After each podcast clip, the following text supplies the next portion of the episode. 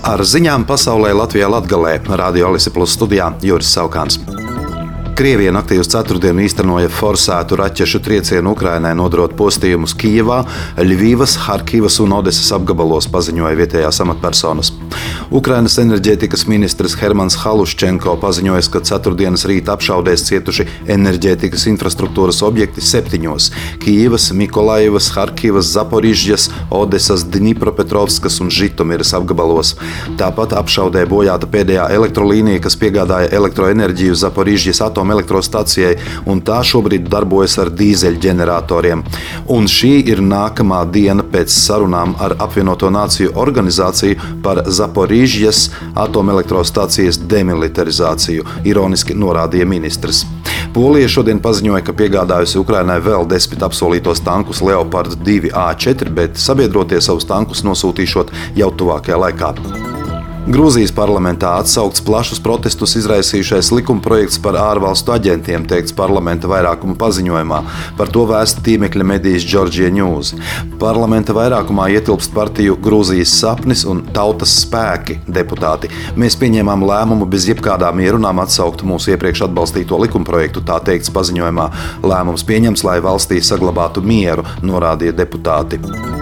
Valsts prezidenta Egīla Levita oficiālās vizītes laikā Azerbaidžānā parakstīts sadarbības memorands starp Latvijas Investīciju attīstības aģentūru un Azerbaidžānas eksporta un investīciju attīstības aģentūru par ilgtermiņa sadarbību eksporta un ieguldījumu veicināšanas jomā.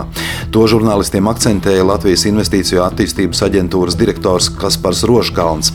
Memorandā kā galvenie sadarbības virzieni iezīmēti bioekonomika, digitalizācija un biomedicīna, īpašu uzsvaru liekot uz farmāciju.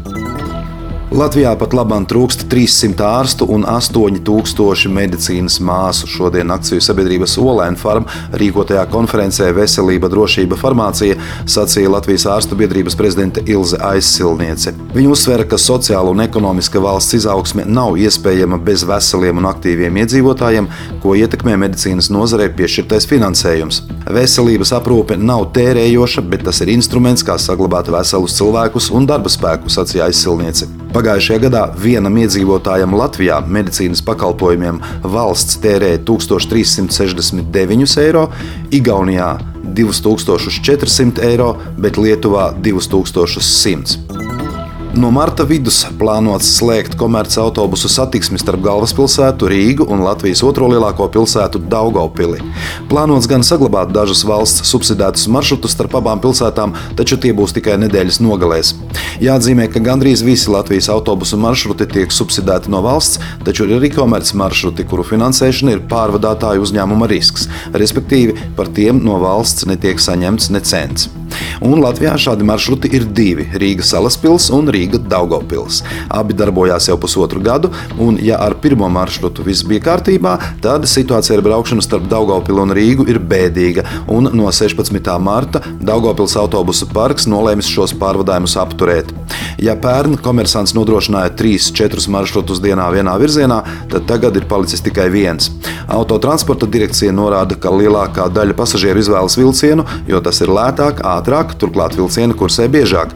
Ikdienu starp Rīgu un Daugopili kursē astoņi vilcienu maršruti, četri katrā no virzieniem. Tā kā autobuss Rīga Daugopils ir komercreises un to labi kompensē vilcieni, tad valsts neplāno tērēt līdzekļus autobusu pārvadājumiem šajā maršrutā.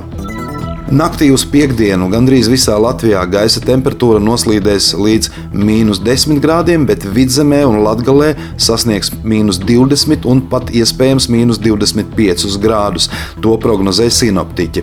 Un eh, tas nozīmē, ka iespējams pirmo reizi šajā gadā tiks pārspēti daži augstuma rekordi. Latvijas vides, geoloģijas un meteoroloģijas centrs valsts austrumu daļā izsludinājis dzeltenās krāsas brīdinājumu par stipru salu. Ziņu apskatu pasaulē Latvijā Latgalē veidoja Radio Alise Plus informācijas un ziņu dienests ar Sabiedrības integrācijas fonda atbalstu, bet Radio Alise Plus studijā bija Juris Saukāns.